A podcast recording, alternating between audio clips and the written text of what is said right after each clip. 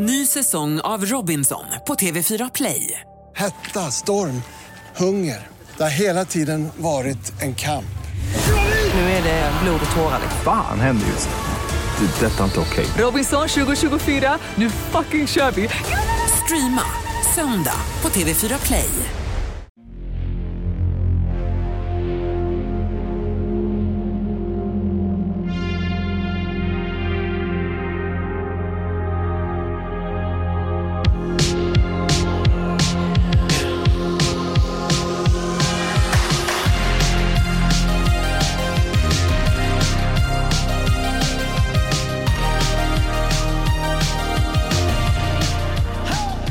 Här är en podd om Adam Alsing som programledare i radio.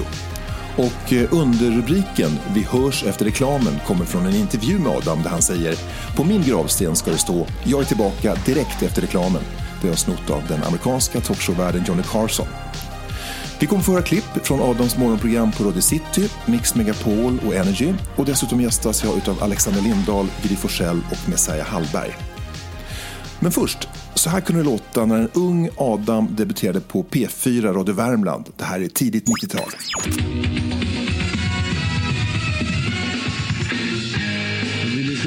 Rockbomben. Klockan är 18.30 onsdag som vanligt. Ditt favoritprogram med din favoritdiskjockey Adam Alsing heter jag som för närvarande är den enda medarbetaren på ungdomsredaktionen på Radio Värmland. Det gör ingenting. Creep, oh I like it. Första programmet blev på Radio City tillsammans med Charlotte Lauterbach. Och de sände ett program som heter Frukostpasset som startade i augusti 2002.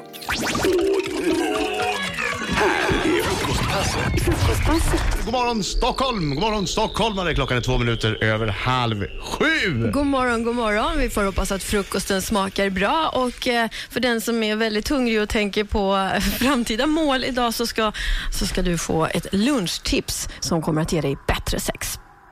Wow! Ja, Hur gör man med maten då? det ska du få veta. Åh, vad spännande. Det ser jag verkligen fram emot. Köttfärs. Termos. Nu har jag fått sällskap av Alexander Lindahl. Hej Alex! Hej! Du jobbade med eh, morgonshowen på Radio City. Vi börjar med att berätta vad Radio City var för station. Eh, Radio City var ju en lokal station, eller egentligen så fanns det ju på tre ställen. Eh, Stockholm, Göteborg, Malmö, alltså storstäderna i Sverige. Men eh, Adams morgonprogram, då Frukostklubben, sändes ju bara lokalt i Stockholm. Och den startade 2002 och vilka var det som jobbade med programmet? Eh, 2002 eh, rekryterade man Adam eh, och sen så Charlotte Lauterbach som då skulle stå vid hans sida. Eh, och sen så byggdes ju programmet på efterhand. Jag kom in som första redaktören, eh, jobbade själv och sände ett annat program parallellt med det här programmet som Adam sände. Eh, och sen så hade vi en producent som hette Rickard Jonsson som sakta men säkert undan för undan smög sig in i programmet. Och så fanns ytterligare en reporter också, gjorde inte det? Ja men precis, han kom lite senare. Eh, det var ju en kille som var långt ifrån så tränad som han är idag. Det var ju Kalle Wahlström. Jag tänkte på det, var kom idén ifrån till eh, programpunkterna? Eh, nej, men när man jobbar som redaktör så förväntas, förväntas man ju och eh, bidra hela tiden. Mitt jobb var ju att se till att vi hade rätt gäster, komma med input och så vidare. Trodde jag, eh, tills jag insåg att Adam stod ju för 99,9% av allt innehåll själv. Så det var hans idéer. Han visste ju exakt redan från dag ett hur programmet skulle låta. Så därför så vi hamnade ju också från dag ett i clinch. Så vi hade ju timmeslånga möten per telefon eh, när vi liksom bara skulle reda ut saker. Eh, och till slut så liksom gnagdes vi eh, ihop på något sätt. Men det tog ju jättelång tid för mig att fatta. Eh, att han liksom hade ju en klar vision redan från dag ett. Du, ett av de, de stående programpunkterna, den kan man höra fortfarande i Göteborg faktiskt. Det är den här väckningen. Hur gick den till? Eh, man anmälde någon som man skulle vilja ha väckt eh, och sen då gjorde man eh, den här väckningen på olika sätt. Såklart i livesänd radio. det kunde låta så här. Uh-oh, jag hörde splashet. Det splash här. det betyder att det är tid att väcka någon och eh, den som ska göra det är Emma från Söder. God morgon. God morgon. Sitter du på toaletten och viskar? Ja. Bor, bor vi i en liten etta kanske? Och det börjar bli dags tror jag. Alltså, Är han en sån eh, som vaknar lätt? Ja, han börjar vända lite på sig. Han heter Magnus. Ser du honom därifrån? Det är dags. det är Sover dags. han? Hallå? God morgon, god morgon! Hej Magnus, är du blöt? Ja? Känns det bra? Nej? Det lät som att du vaknade till när hon gjorde det där utfallet. Eh, ja, det kan jag eh, lova. Och sen fick du allt över dig. Ja? Men du vet att Emma gjorde det där av kärlek va? Eh, det får jag hoppas. Du vet att bara för att hon gjorde sådär ja? så har ni två fått en middag för två personer på restaurang Hasselbacken i Stockholm. Schysst! Det är Ja, det priset. det. Det är priset man får när man väcker sin partner på det där viset. Ja, Okej. Ja, det var ju värt. Ja, så kunde det låta när väckningen ägde rum då hos Adam. Du, det fanns en kampanj som blev ganska omtalad. Det var om den här, man ville liksom få lite om, skriverier om Radio City. Ja, jag vet ungefär vilken du menar. Ja, vems, vems idé var det? Och berätta Nej, vad det var. eh, det var ju så att man ville få uppmärksamhet på stationen eh, och jag tror att man fick order uppifrån att eh, ta de pengar som behövs, gör ett stand som tidningarna skriver om. Och då kom man på den briljanta idén om att skapa typ eh, Europas största kondom. Och det skulle låta så här. Vi tar vårt ansvar och slår ett slag för säkrare sex den här morgonen. Klockan 04.15 i morse började det så kallade påträdandet av världens största kondom. Så nu är världens största fallos täckt och kan ha säkert sex. Med världens största vad nu det kan vara för någonting som... Oj, låt oss inte... Gå in på de detaljerna. Nej, Ja, 10 minuter över sex är klockan. Ja. precis. Vi har alltså trätt på en jättestor kondom på obelisken på Sergels torg för att eh, påminna alla som lyssnar om vikten av säker sex. Så här lät det kvart över eh, fyra Snart två timmar sedan. ja, i morse. Det är en av världens absolut största kondomer som någonsin gjorts. Den är typ overkligt stor. Nu, nu är den nere. Nu är, Är den helt nere? Sätt på oss. Frukostpasset, Radio City 105,9. Eh, Adam började på Radio City i augusti 2002. Eh, och det, var en väldigt, det hände ju väldigt mycket. Liksom, eh, radion var ju eh, i sin linda kan man väl säga. Man liksom skulle pröva massa grejer. Eh, och det var ju väldigt intensivt. Adam gjorde ju samtidigt tv-program. Eh, och såklart tröttnade ju efter ett tag eh, över att jobba dubbelarbete. Så jag tror att redan i eh, 2003 så säger Adam upp sig för att jobba då helt med tv. Eh, så eh, efter det så fick jag ta hans roll eh, och vara ankare. Och jag kommer ihåg varje sändning jag gjorde efter Adam slutat så smsade han mig. Och jag kommer ihåg första smset så, så var det också så här ett kärvänligt sms där det stod Men Alex, du kan ju vara rolig. Varför har du aldrig visat det tidigare? Smiley. Det var Adam. det var ju också så här att Adam säger upp sig då, jag tror det var 2003. Eh, och får ju sen priset som årets bästa morgonshow 2004. Då har han redan börjat på en ny eh, station med ett nytt program. Äntligen morgon med Adam och Gry. Hej där Adam Alsing. Det här är Gry Forssell. Anders Timell. Då är vi framme vid 2004 och eh, det är då Adam har blivit eh, rekryterad till eh, Mix Megapol. Och eh, en av de första han ringer upp då, det är dig Gry. Ja, så tror du det? Ja, det kanske det var. jag vet inte om han ringde någon innan kanske. Det vet jag inte riktigt. Och jag vet inte var, var det namnet dök upp någonstans. With all respect alltså. Jag menar bara, hade ni, kände ni varandra? Nej, alltså, nej, vi var ju bekanta sedan många, många år. Vi har sett, jag har varit gäst i hans tv-program och vi har setts ute och kanske varit på någon fest eller två, men vi var inte kompisar så. Faktum är att jag tror att vi faktiskt sprang på varandra på någon sån här galapremiär för någon film på nya fil- Filmstaden i Stockholm som var ny då tror jag. Och han var så här, men du, just det, fan jag, fan, jag har en fråga till dig kanske, för jag ringa dig här. Och så ringde han, så att det var som en slump att vi sprang på varandra. Och så hörde han av sig och då berättade han att han hade ju varit på Radio City. Eh, men sen så hade han hört eller listat ut att det skulle läggas ner eller säljas eller vad det nu var. Så jag tror att han gjorde så att han, om jag minns det rätt så sa han att han sa upp sig först för att inte kunna få sparken eller vara på det där som lades ner. för han har ju alltid varit slug och alltid ett steg före och alltid tagit reda på all information i förväg. Så att han hade då slutat på Radio City. Sen mycket riktigt så lades det ju ner. Eller hur det nu var. Och sen så skulle det då startas upp igen då på Mix Megapol. Just det. Och eh, jag minns inte om, jag var ju med också då som redaktör, men jag minns inte om Anders Timell var med från allra första början. Men Jo. det var så? Ja, men för och det var att- som sportkille? Ja, men för grejen är att Jesse och Logna hade ju morgonprogrammet på Mix Megapol och de hade Anders som kom in och gjorde sporten. Han bor inte så långt bort så han cyklade in, körde sporten tre minuter och så cyklade han vidare till nästa jobb liksom. Och då när Adam, för Adam ringde mig och så tog vi en lunch på Enskede värdshus i närheten där jag bor. Och så sa han, ja men jag ska göra, jag ska ta över morgonprogrammet. Det är jättehemligt, jag ska ta över morgonprogrammet på Mix Megapol. Och jag undrar om du ska vara sugen på att liksom fundera på om du skulle vilja göra det med mig. Och det som jag tyckte var så skönt, jag tycker det är så skönt med tydlighet och tydliga människor. Och han var ju supertydlig med att han bara, det är min show, jag tar över den, jag behöver en sidekick. Alltså det är inget så här, jag, han bara, jag kommer aldrig sitta och liksom mäta vem har pratat mest eller vem har sagt mest roligt eller dela 50-50 eller hit och dit. Utan det är min show, jag behöver en sidekick. Det här är sidekickens uppgift. Jag tyckte det var så skönt att veta exakt vad det var han ville ha och vad det var man så här, gav sig in på. Och, så, och sen så hade han gjort ett kompendium, ett ganska ambitiöst kompendium, för han hade lyssnat på massa utländska morgonprogram och svenska också. Och utkristalliserat, vad vill han med det här programmet? Vad vill han, hur vill han att det ska låta? Han pratade om det här, det ska inte vara punchlines och stora garv, utan man ska lyssna, ska man ha ett, hela tiden ett litet Cosby-leende. Och att det skulle vara live, han sa att det är viktiga, viktiga, viktiga. För det här kommersiell radio 2004 var inte det självklart, men att vi måste få prata med våra egna röster. Vi får inte göra oss till att det ska vara äkta, alla de här grejerna som man hade tänkt på. Och jag tyckte allt lät så klokt och kul och genomtänkt. Så trots att jag är världens mest morgontrötta så började jag överväga, så här, vad ska jag göra det här? eh, ska jag verkligen prova? Så tog jag faktiskt en kaffe med vår gemensamma kompis Henrik Jonsson.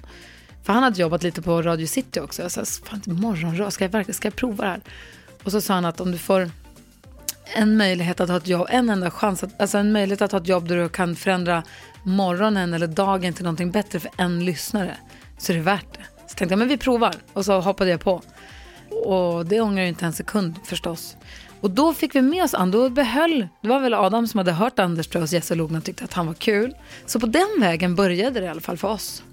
Gry, vi har ett klipp här som Ja. är gjort. eh, Det här är en presentation som vi gjorde till Radioakademin ett år för att eh, försöka vinna priset som Årets morgonshow, vilket ju programmet har gjort några gånger också. Ja, ett ihopklipp från lite allt möjligt från programmet då, eller? Ja, exakt. Ja, vad kul. Vi kan lyssna på det. Ja, gärna. Äntligen morgon med Adam och Gry. Det är inte vanlig radio. Det är Mix Megapol. Hej, jag heter Sven Hallberg, redaktör för Äntligen morgon med Adam Alsing och Gry Forssell. Och så här kan det låta. Ditt bröllop. Alltså, det var Prästen, eh, prästen sa fel på Alex namn två gånger. Jag sa fel, han Ja, stakade, han stakade sig. Han sa, Tage du. Alex. Nej, så länge jag la inte på. Jag tittade på Anette och bara, Men du hade det roligt. på bröllopet? Ja. Alltså, kan vi återkomma till det? Okej. Nej då, jag hade jättekul. Och den tredje medlemmen är Anders Timell och han står för sporten och, och lite till. Det här med nattkräm, hur fan kan du veta att det är natt? Ja, det undrar man ju. Ja, han har nog en inbyggd timer tror jag. Varje morgon kan lyssnarna tävla mot Adam i Vinn Adams pengar. Då det är ju som det är med den saken. Det här betyder att Adam fick tre fel och sju rätt och Bosse tyvärr fick bara två rätt. Ja, det var inget bra. Bosse.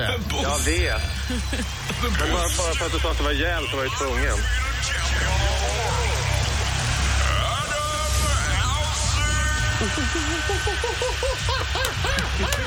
Så missa inte Äntligen morgon med Adam och Gry, Sveriges snabbast växande morgonshow.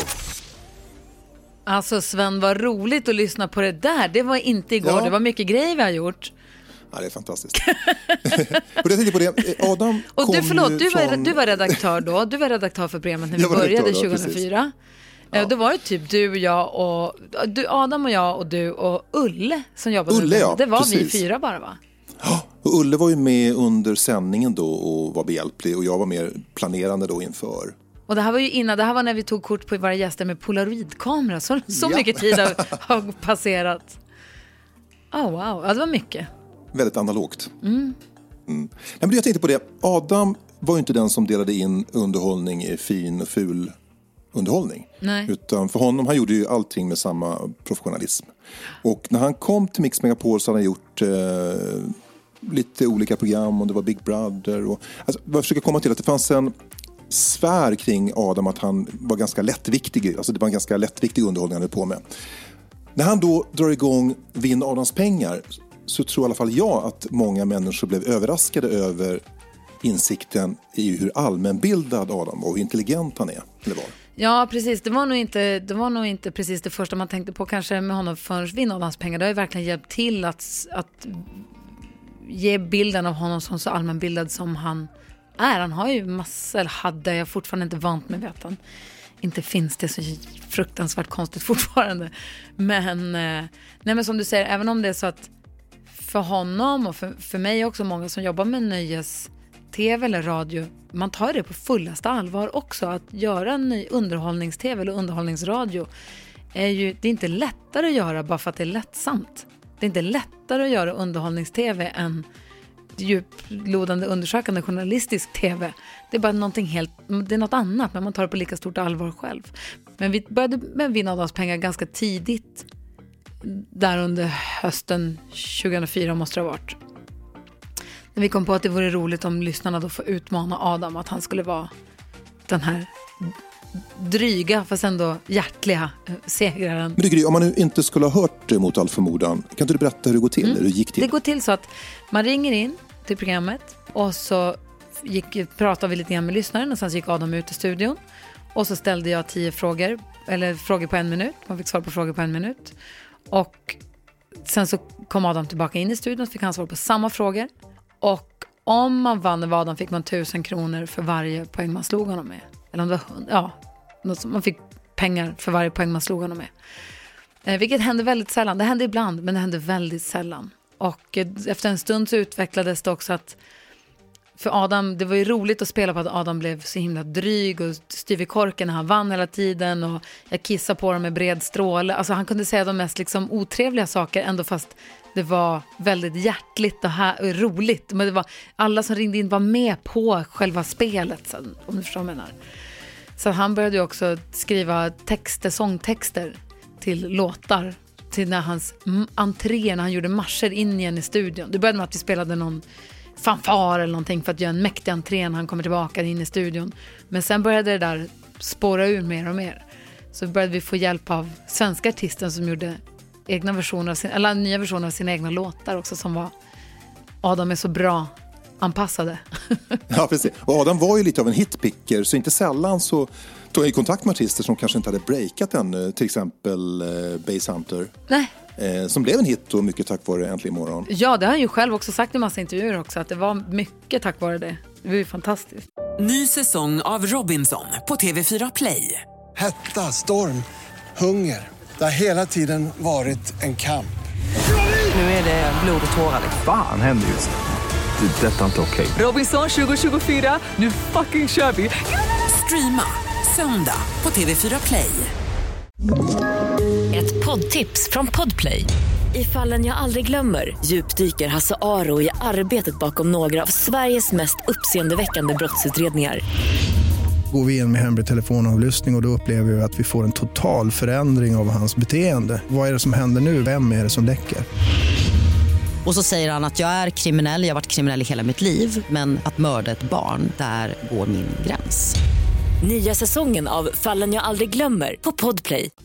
Men vi ska lyssna på några Ja. exempel på sådana här entrélåtar. Eh, Den, ena, den första här det heter Världens bästa Alsing. Den eh, gjorde vi själva i studion. Sen kom just Base Hunter och till exempel då Martin Stenmark och gjorde versioner. Det lät så här.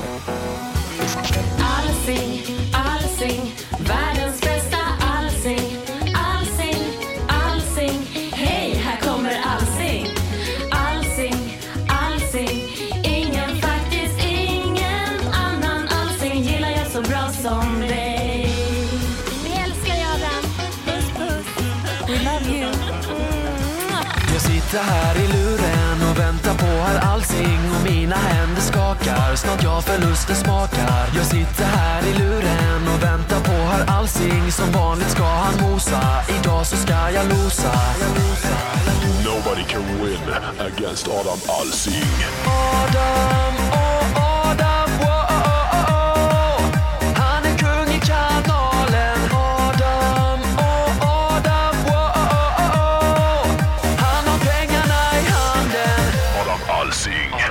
Planeter och djur Biologi med tur.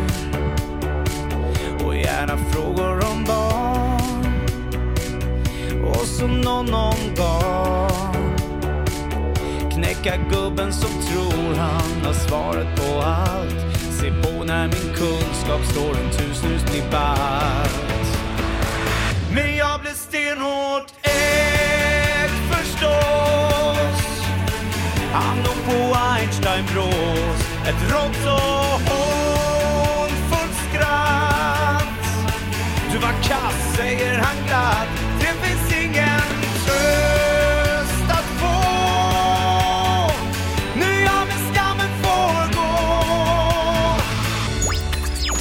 Ja, så där kunde det ju låta. De är ju fantastiska de där låtarna. Alltså den första, Välgjorda. den här Allsing Allsing, det är Elin som är vår redaktör Elin nu, fort, som fortfarande jobbar med oss, som sjunger Just sjunger det. fint. Och sen så Bass Hunter, vi hade ju Coco Boom Boom och han gjorde väl på stationen han jobbade nu precis senast sista året, gjorde, gjorde han väl sådana tre låtar fortfarande va? Jag tror han fortsätter med det. Ah. Ja. Kul. Det, hjälper, det, gör, det gör ju verkligen att man får den där glimten i ögat och den där charmiga översittar-attityden på den. Förstår du vad jag menar? Nej men alltså Adam skrattade ju aldrig åt lyssnarna utan han skrattade med lyssnarna. Ja, alltid. Eh, och det hör man tycker jag man kan höra många exempel på hur, hur, hur det skrattas ihop med lyssnarna, det fnittras liksom. Ja. Eh, vi hade ju en programpunkt som, alltså undrar om inte, jag vet inte, jag har så dåligt minne, men jag, jag var delaktig i alla fall att utveckla den. Vi skulle försöka liksom sätta dig och Adam lite grann i knipa. Det fanns lite humor i att ni som kändisar tvingades göra en del pinsamma saker. Men du, om du minns det Gry, men du var ju tvungen att ringa till en VVS-firma för att du hade förlorat ett vad. Om jag minns. Ja. ja, men det var ju så här var det ju också. Han gjorde väl Big Brother live på måndagarna va? Eller Just vilken veckodag det nu var. När på helgerna Ja. gjorde han Big Brother eh, utröstningsprogrammet i Big Brother och då sa att det, då började det som en Vita stenen. Kommer du ihåg programmet med Vita stenen? Just det. Med Fideli och vad de hette. Och då sa vi att då gav vi ju Adam uppgiften att i sin sändning, Big Brother-sändningen, så skulle han säga ett visst ord eller göra någonting. Och om han klarade det så skulle jag göra någonting milt pinsamt, som vi sa, för det skulle inte vara pinsamt, inte jobbigt, inte liksom skämmigt, göra bort sig jobbigt, men milt pinsamt. Om han inte klarade det, då var det han som skulle göra någonting milt pinsamt. Och då kunde det ofta vara ett telefonsamtal, eh, oftast var det ett telefonsamtal att man skulle ringa någonstans och då var det ofta, du måste få med, du måste säga du, det är ju jag. Jag är ju känd från radio och tv. Du kanske känner igen mig. För så ska man aldrig säga och då blir det ju sjukt pinsamt. Det kunde också vara, han skickade ner mig någon gång till fiket här nere på jobbet. Jag hade honom i snäcka i örat i direktsändning och han sa vad jag var tvungen, jag fick bara säga det han sa till mig till han som jobbade i kiosken. Jag skulle köpa saker och sa, han sa så dumma grejer som jag skulle säga till den här stackars jättesnälla killen i kiosken. Så sådana saker kunde det vara också. Men mycket telefonsamtal och mycket ja, men så här, t- varianter på busringningar som är fruktansvärt pinsamt egentligen. Jag ska bara avsluta den VVS-historien. Du har alltså köpt en toalett. Ja. Du har monterat den på landet, eller ställt in den på landet, men eh, det funkar ju liksom inte. Nej. Det visar att du har, inte, du har glömt liksom att koppla in en VVS-kille här och få den monterad på Bara riktigt. ställt toan på golvet. Ja, och de, hon är ju så vänlig hon Ja. som svarar på det. Var de ju alltid, de som ni ringde upp. De försökte ju verkligen hjälpa till, Ja. hur idiotiskt det än var. Och sen en sån klassisk är också när Adam fick ringa till sin syster Sofia som är barnmorska. Och eh, han, vi tvingade honom att han skulle, jag tvingade honom att han skulle säga att han hade fått trassel i trumpeten och nu vill han ha eh, hjälp med det. Men han ville också få penicillin att smula ner sin fru Anettes dricka så att hon, hon också skulle få penicillin. Och Fia blir helt knäckt. Så otroligt roligt. Alltså den är så svettig. Ska vi lyssna på den? Ja, gärna. Den kommer här. Äntligen morgon! God morgon. Jag har bullat upp med en morgonmacka och en kopp kaffe. Jag lutar mig nu tillbaka och säger varsågod. du är ond! Ond! Och du njuter så av det här. Mm. Jag rycker det här som ett plåster. Ja, det är Fia. Hej Fia, Adam. Hej! Hej, ringde jag väckte dig? Men du, vad är klockan egentligen? Strax efter sju. Ja, men okej. Ja, hur är läget? Ja, det är bra. Ja, Du, jag har eh, lite kort om tid för jag har eh, musik nu i radion. ja men jag förstår. Hörru, Ja? det har hänt en jobbig grej. Nej, vad då? Alltså, det är inte något livsfarligt sådär så du behöver inte vara rädd. Men eh, det är jag som har, alltså, Vadå? jag har, jag har fått kan man säga lite trassel i trumpeten. Skämtar du eller? Du skämtar? Nej. Nej men Adam. Ja men du vet det så här. Vadå, jag vet inte. Nej, men det, det trumpet. svider. Det svider och sådär. Nej. Jo. Men vad fan har du gjort? Ingenting. Det måste vara någon gammal grej. Men Adam, vänta, hur länge har du och Nettis varit tillsammans? Typ 20 år, eller? Ja, men det där kan ju hänga kvar jättelänge. Adam. vad är det här? Nej men du, alltså... Skämtar du med mig? Nej. Alltså det... Jag tänkte så här, du är ju barnmorska. Ja. Och jag vet ju att, att du kan ju fixa penicillin va? Ja, men inte bara så där. Du måste bli undersökt. Oh, Jag men, vill inte titta på din jag Nej. säga. det behöver du inte göra heller, men tro mig. Jag behöver inte bli undersökt, jag behöver penicillin. Men jag ger inte bara penicillin till någon bara sådär. Inte ens till din brorsa. Nej, men du måste ju bli och kolla vad det är för någonting du har. Ja men det är väl något av det jag vanliga. tittar bara på tjejer på mitt jobb, inte på killar. Ja men jag säger att jag behöver ju, jag behöver ju inte bli tittad på. Jag behöver bara ha de där magiska pillren. Men det, du får inga magiska piller av mig. Det funkar inte så. Ja men vad schysst då. Nej. Du måste gå och be någon titta på din snorre och jag tänker inte göra det. Nej, det, det är okej. Ja. En annan grej då. Men gud, ja. Kan man... eh, Om, eh, om jag så att säga smular ner penicillin, Men aha, då, ja, strula ner. För smakar det någonting? tabletter. Nej, kanske inte för att jag inte kan svälja tabletter. Smakar det någonting av penicillin? Ja, det gör det. Vad menar du? Nej, det var ingenting. Då. Det är klart det smakar, det smakar apa. Ja. Men om man, om man blandar med någonting kanske man kan dölja smaken? Nej, det tror Men vem ska du dölja ifrån? Nej, men Adam, alltså... vad håller du på med? Anette kommer ju aldrig tro att det här är något gammalt. Nej, och det tror inte jag heller. Så jag tänkte, för båda måste ju behandlas, annars är det ingen idé. Men, men, Och så, ja, om, om jag berättar för henne kommer ju aldrig tro på mig. men jag är i chock. jag tror inte heller på dig. Varför det? Alltså, jag kommer snacka med Nettis. Nej! Jo. Nej, men det är mycket bättre att jag gör det själv i så fall. Ja, men någon måste gå och titta. Va? Hallå? Ja? Ja. Gry är jättedum. Vadå? God morgon Sofia, det här är Adams snälla rara kollega Gry. Hej. Och det här är det roligaste hittills. Nej. Så här är det, du är med i programmet Sofia. Nej, men jag har tvingat Adam att vi har slagit vad, han förlorade, han var tvungen att ringa till dig och göra det här. Och du gjorde det bra Adam! Du skulle Mm. sett Sofia vad han har korvat sig och åmat sig. Han rodnar och röd hela Gry ansiktet. tvingade mig att ringa till dig och låtsas att jag hade Ja. fått trassel i trumpeten. Jag har inte alls fått något trassel i trumpeten. Du har inget trassel med trumpeten? Nej. Gud vad skönt, jag fick panik. Eh, Jag också. Jag började tänka så här, nej men gud, Annette, vad ska hon säga? Vad är det som händer? exakt. Och jag vill inte titta på din jäkla trumpet. Nej, det är klart. Alltså, otroligt roligt. Den där är ju från Trassel i är ett sånt där klipp som många lyssnare fortfarande hör av sig till oss på Mix Megapol och vill höra igen ju. Ja, det blev en klassiker. Ja, just att det är hans syster också, det är det som Ja. är så fruktansvärt. Men Adam! ja, men det är en skön känsla. När man känner att det är lite, vi, är lite på, vi är ute lite på tunn is, men det är kul ändå. För så fort det blir obekvämt för en, om det är jag, Adam eller lyssnaren eller någon annan i studion, då är det ju inte kul längre. Alltså om det blir obekvämt på det, men det där man, man känner ju det där. Det är härligt tycker jag. Gry, tack jättemycket för eh, att vi har gläntat på det här arkivet tillsammans. Du, tack själv. Det var mysigt att få prata med dig. Och det är för jävla synd att inte Adam är kvar, måste jag säga. Verkligen. För jävla synd är ju en underdrift, det är ju fruktansvärt. Men det är härligt att Det är höra det. på de här grejerna. Ja, Adam lever vidare i vår, våra minnen. så är det verkligen. Adam Alsing, Klara Doktorov och Messiah Hallberg. Du lyssnar på Energy Morgon med Adam Alsing. Adam Alsings sista radioshow blir på Energy morgon där han sänder tillsammans med Klara Doktorov och Messiah Hallberg. Och Messiah, du är med mig nu. Ja, det, det är jag. Hej, hej Sven. Hej. Ni jobbade ihop eh, nästan ett år, från första augusti, eller från augusti förra året. Ja, precis. Det var ju lite eh, speciellt för första året, jag har varit på Energy i, i, drygt två år. Första året så, så kom Adam in bara och gjorde sin Vinn Adams pengar-tävling. Och eh, då var vi så många personer i studion så varje gång Adam kom in så sa den dåvarande programledaren åt mig att nu får du gå ut, ut med. Så jag såg bara Adam genom en, en glasruta sådär.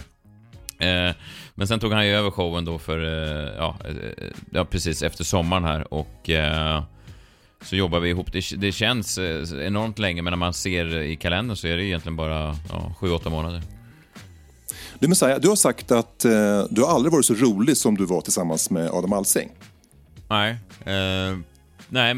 Var det en talang som Adam hade, att liksom bolla upp för sina sidekicks och sina kollegor? Det var en otrolig förmåga Adam hade. Alltså det var ju en, eh, en, en, en helt unik förmåga av, av två anledningar. Dels så är det ju en unik förmåga, eh, alltså att ens kunna ha känslan för det och veta när man eh, ska backa tillbaka och när man ska pegga upp för någon annan. Det, det är ju en sak att bara ha det, men sen också förmågan att i den här medievärlden där man ändå rör sig, där alla vill ha strålkastarljuset hela tiden, att, att kunna vara eh, som trygg i sig själv och, och våga släppa fram någon annan eller du vet ringa någon som man tänker, det där är en rolig jävel, han skulle jag vilja ha in i, i, i min värld eller stå bredvid mig. Alltså det, det finns någonting som säger väldigt mycket om Adam som person där, att han, att han var storsint eh, på det sättet och eh, det är ju eh, väldigt, jag har liksom aldrig träffat någon som har, som har varit eh, på, det sättet. Nej, Adam var också duktig på att identifiera talanger, men han hittade ju Filip och Fredrik ganska tidigt och eh, Anders Timell, alltså många som Adam faktiskt upptäckte. Så han hade ju förmågan liksom att inte bara plocka hitlåtar utan även plocka eh, människor omkring sig som, som var duktiga. Verkligen. Men du, jag tänkte på så här, vi har ju snackat mycket om hur rolig du är tillsammans med Adam, men får inte glömma bort, Adam var ju också väldigt rolig och vi har några exempel på Adams humor här. Laddar du upp inför helgen eller? Jajamän. Vad blir det då? Blir det något kul? Det blir att rulla gräs. Rulla Är det- gräs är det en nu. omnämning för något? Nu tycker jag inte, det, det är fortfarande olagligt i Sverige, det vet du va? Och särskilt min mamma, så hon gör ju Sveriges godaste spagetti och köttfärssås. Nej, nej, nej. Det, är, det är min mamma som gör Mm, fast min mamma gör den bästa. Min och så mamma, är det bara. Min mamma gör det bäst. Men vad är det som får folk på Gotland att tro att de kan göra köttfärssås? Nej, men alltså, min mammas köttfärssås, eh, jag får ge receptet till alla jag bjuder den på. Mm, fast min mammas köttfärssås är med i ett program som heter Bäst i Sverige. Bara där tycker jag nog att hon har vunnit. Jo. Du har fått en bajonett i ryggen. Det har väl ingen fått eh, sen alltså, 1700-1800-tal känns det som. Det är ju en väldigt klen tröst ändå. Ja, det var det När man har bara rätt 8 centimeter i ryggen så wow, det här är första gången på 125 år. Grattis Lukas! död. Jag tycker föräldrarna äger barnen tills de dör. Så. Så ska det vara. Mm. Jag försöker bara rädda mig ur en grop. Ja, och du Eh, men- gräver den ännu djupare för varje sekund som går. Märkligt. Släpp spaden bara. ja. Herregud Danny, då betyder det att du har en sån där eh, goals-överkropp. Jaha. Det är Ja, men vi har axlar. ganska breda lappar har vi i alla fall. Har vi ju lyktstolpar som ben då, men... Jag vet, men de har ni ju i kanoten. Ja, men inte jämt. De men går- dyker annars- upp på middagen i, med kanoten. Liksom. Ja, kul.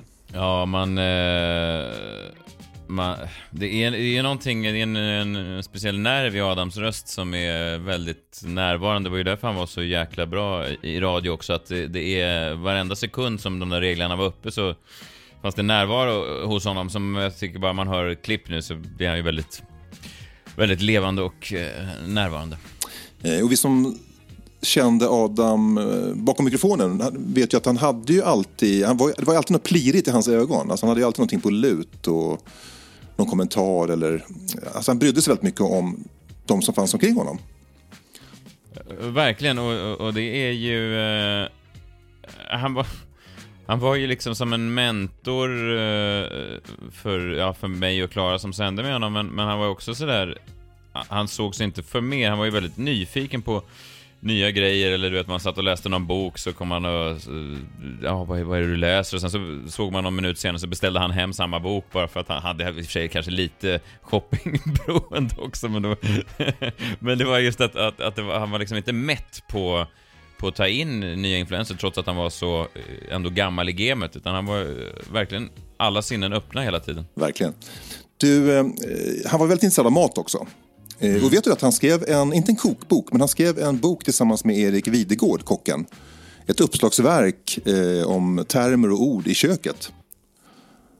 Eh, och jag vet att, eh, jag läste det, att han, eh, Erik Videgård drabbades av cancer och hade, hade väldigt svårt ett tag ekonomiskt. Och då köpte Adam ett recept av Erik Videgård, ett ganska komplicerat recept på, på någon kina, kinesisk rätt. Eh, och gav väldigt mycket pengar för det så att Erik kunde betala sin hyra. Eh, och så höll han på att skicka filmer till Erik Videgård och han beskrev ju hur det här gick till då han filmade med mobilkamera förmodligen då, steg för steg. Så att, gediget eh, matintresse och, och stort hjärta förstås.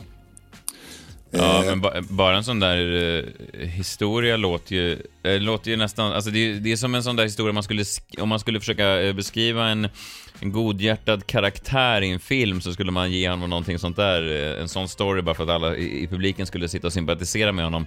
Men eh, Adam hade ju många sådana egenskaper som man faktiskt, eh, att, att han var så på riktigt, vilket, eh, ja man har ju slagits av det då efter han har gått bort, just att, att så många kände sig berörda och eh, att så många kände att de var kompisar med honom även om de aldrig hade träffat honom. Det var ju en sån där, det är en sån där egenskap som eh, man kanske önskar att man hade själv, men som vissa människor bara har. Du, eh, programpunkten Vinn Adams pengar hade ju Adam med sig på, tror jag, alla radioshower han eh, hostade. Och så även på Energy. Och ni hade någon, eller han hade någon mål hos er, han skulle uppnå 100 raka segrar. Jo men precis, det var ju alltså då om, om Adam skulle lyckas vinna mot lyssnarna eh, 100 månader i rad i, i Vinn Adams pengar så skulle han då tilldela sig själv ett pris, eh, liksom en, en Ja, en seger då som vi alla kunde dela på.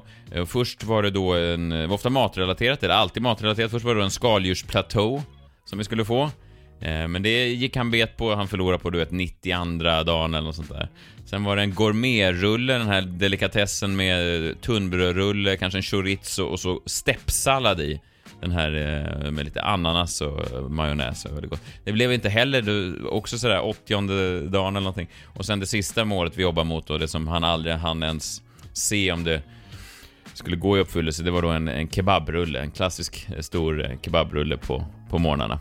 Eh, så det, dagen efter vi fick, dagen efter han gick bort, så samlades vi hela Energy-gänget hemma hos Klara då och så hade, låg det 12 kebabrullar på köksön. Eh, så åt vi varsin kebabrulle och eh, mindes eh, Adam på ett eh, lite tragikomiskt sätt. Vi ska lyssna på några exempel på hur det kunde låta i Vinnarnas pengar. Här hör man ju verkligen Adams eh, förtjusning i att vinna. Japp. Adam, Mm. du fick sju rätt. Kristina, du fick sex rätt. En Åh! sexa. Det var så nära! Gud vad jag hejade på dig. vilken utklassningsseger. Nej, det var det. Du var med en poäng. Hög tid för dig som vill tävla mot mig i Vinn Adams pengar att ringa in. Påminn mig nu Messiah, hur många vinster på raken har jag? Eh, det är, eh, ja, det är en. Det är en rak vinst. Det, det, det är inte Det är så jäkla deppigt det här att du Ja, är man uppe i förlorade. 94 och sen så plötsligt står man på noll. Hur fan vet man vad, vad, vad akademins jävla bok heter? Men Svenska Akademins ordbok. Man tar, man tar de första bokstäverna i det jag sa så slår man ihop dem till en. Var det så enkelt? Hur förkortar man Glenn Hysén? GH, hade rätt. Hur fan vet du det?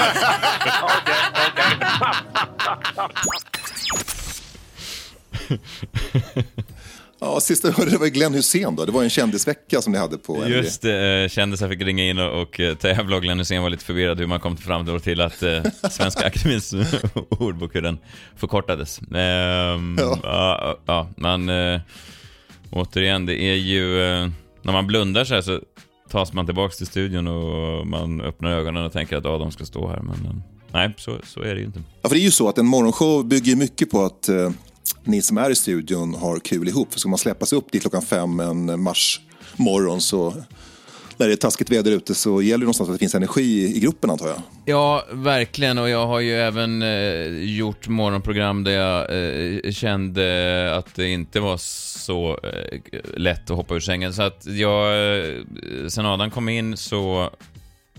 Nej, det var bara, bara några veckor innan mm, Adam blev sjuk så så uh, pratade jag med, med Klara om det där. Jag sa så här, jag har känt mig så pigg på sistone. Jag har känt mig så... så um, det har inte varit jobbigt att gå upp och, och, och hon sa nej men är det inte bara för att du, att du verkligen trivs på jobbet och, och, Klara kände samma sak och Adam kände ju också samma sak så det var ju det var ju eh, förutom det, det jävliga i att man förlorar en, en, en kompis så, är- så är det ju också ur ett liksom eh, arbetsperspektiv så är det ju väldigt svårt att hitta den där kemin som ändå krävs för att man ska eh, dels stå ut med varandra och sen också skapa eh, underhållning som folk kan ta till sig. Så att det är ju... Eh, ja, det är för jävligt på, på så många sätt. Du, Adam var ju ingen snobb i den bemärkelsen att han eh, delade ju inte in människor egentligen i, på något sätt utan han eh, såg ju, kändes som att han såg alla på, alla på samma sätt.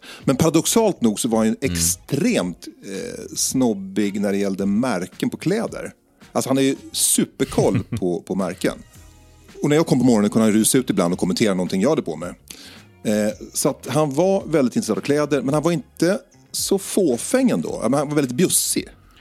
Ja, verkligen. Han... ehm, eh, vi pratade lite om det där och han hade ju ett klädkonto då som någon slags rysk, nyrik, 19-årig fotbollsspelare. Så att det var ju... Eh, och också på en sån här nivå att eh, han gillade gärna att det kanske stod Gucci på ryggen så att ingen jäkel skulle missa det sådär.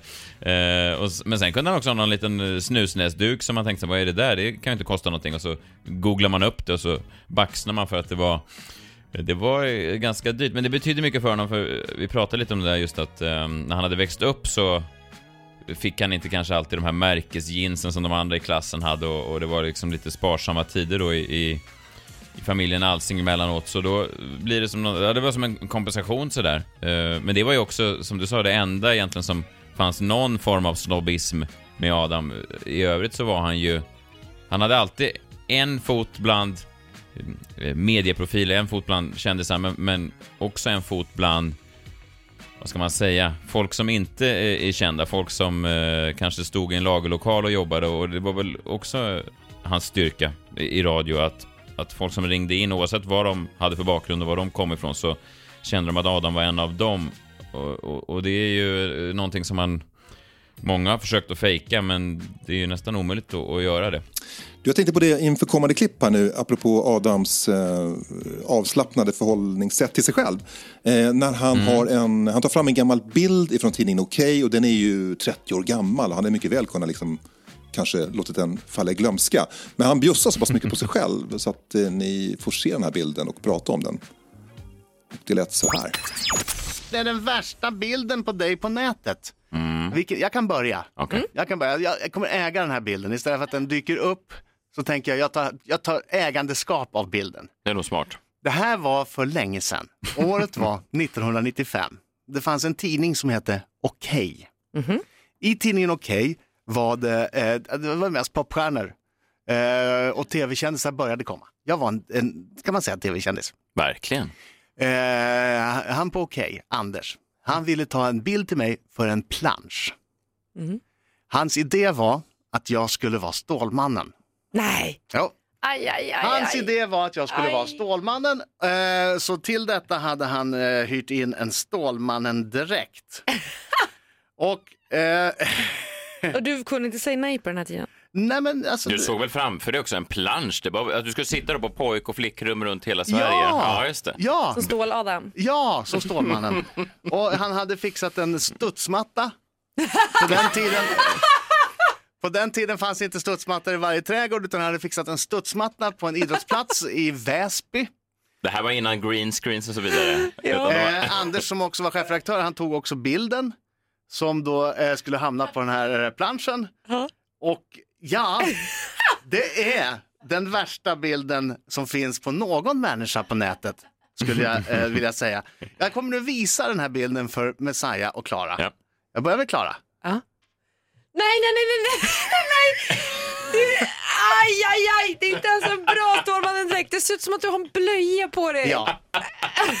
Det är mycket som är fel med den här bilden. Ja, men den där... Ja, ja, Jag har aldrig sett tjockare ut. Förlåt, men det där är daglig verksamhet som har maskeradfrida. Ja, det här är en väldigt tveksam bild på så många sätt. Men nu, har jag, nu äger jag det på något vis. Nu Gör du verkligen det? Jo, men det, det här är en sån bild man kan utpressa folk Ja, jag förstår. Jag har Ge, bilden. ge mig 10 000 eller så eh, skickar jag ut bilden på internet. nu, nu kan ingen göra det, för nu har jag sagt det här, ja, det ägandeskap, den togs för jättelänge sedan. Det var 25 år sedan den togs. Ja, det, det är en otrolig bild alltså. Ja, den är inte smickrande, men tänk att den fanns som plansch. Ni ser att det är en plansch till och med. Ja. Undrar hur många eh, pojkar och flickor runt om i landet som satte upp den där. Jag tänker samma så här, ja. när du har jobbat med Adam nu eh, nästan ett år och fortsätter med radio, känner du att du har mer någonting från tiden med Adam? Alltså i din, i ditt eget, i din egen profession?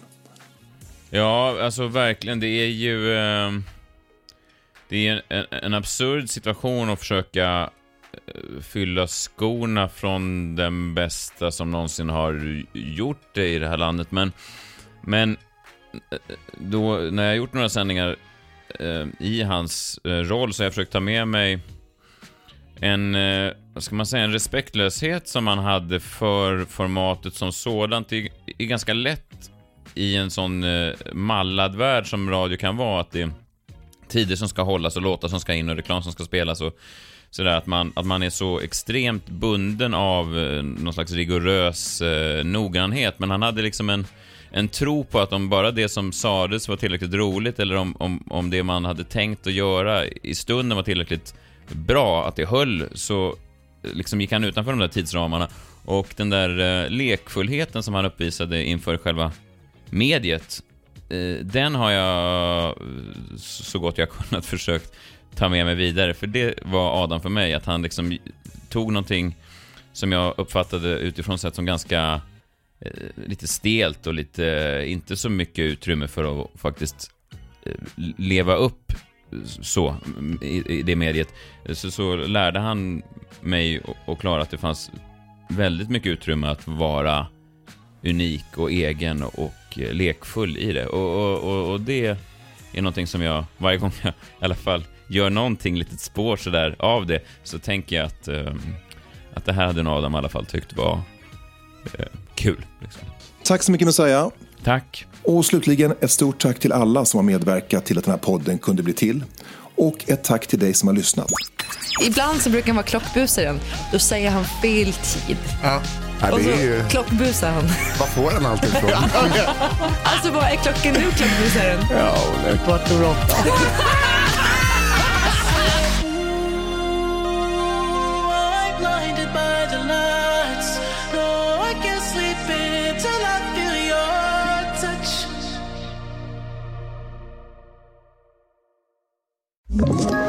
Ett poddtips från Podplay.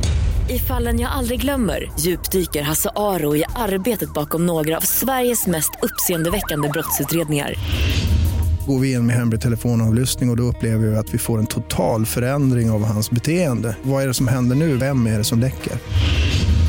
Och så säger han att jag är kriminell, jag har varit kriminell i hela mitt liv men att mörda ett barn, där går min gräns. Nya säsongen av Fallen jag aldrig glömmer på Podplay.